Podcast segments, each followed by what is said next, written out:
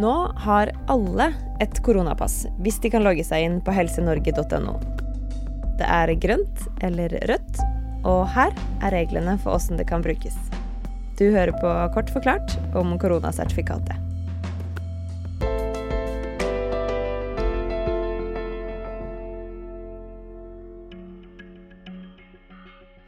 Så koronapasset det gir muligheten for større konserter, stadionkamper, kino eller forestillinger i sommer. Og du må ikke ha tatt vaksina for at det skal lyse grønt. Det er et viktig prinsipp for regjeringen at koronasertifikatet skal gi fordeler òg for ubeskytta.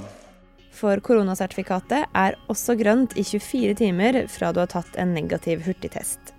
Så det er grønt hvis du er fullvaksinert, hvis det er mellom 3 og 15 uker siden du tok første vaksinedose, eller hvis du har en negativ hurtigtest. Dette er andre tider sammenlignet med hvordan vi har hatt det det siste halvannet eh, året. Så hvis du skal på utekonsert med 2000 mennesker, så kan du ta en test under et døgn før.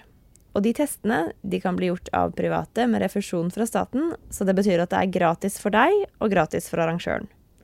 Det var en av gladnyhetene som helseminister Bent Høie kunne skryte av i dag. For med grønt pass så kan man være 1000 uten faste plasser inne, 2000 ute, og med faste plasser så er det 2500 inne og 5000 ute.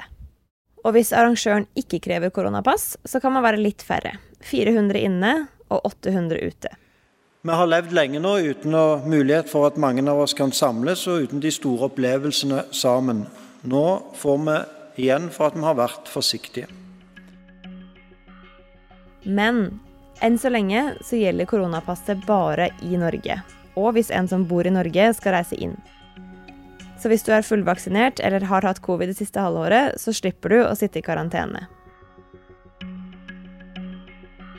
Men hvis du vil inn i Norge, men ikke har et norsk koronapass, så må du i reisekarantene, og du må uansett vise fram en negativ test på grensa. Planen er et felles koronapass fra EU i starten av juli.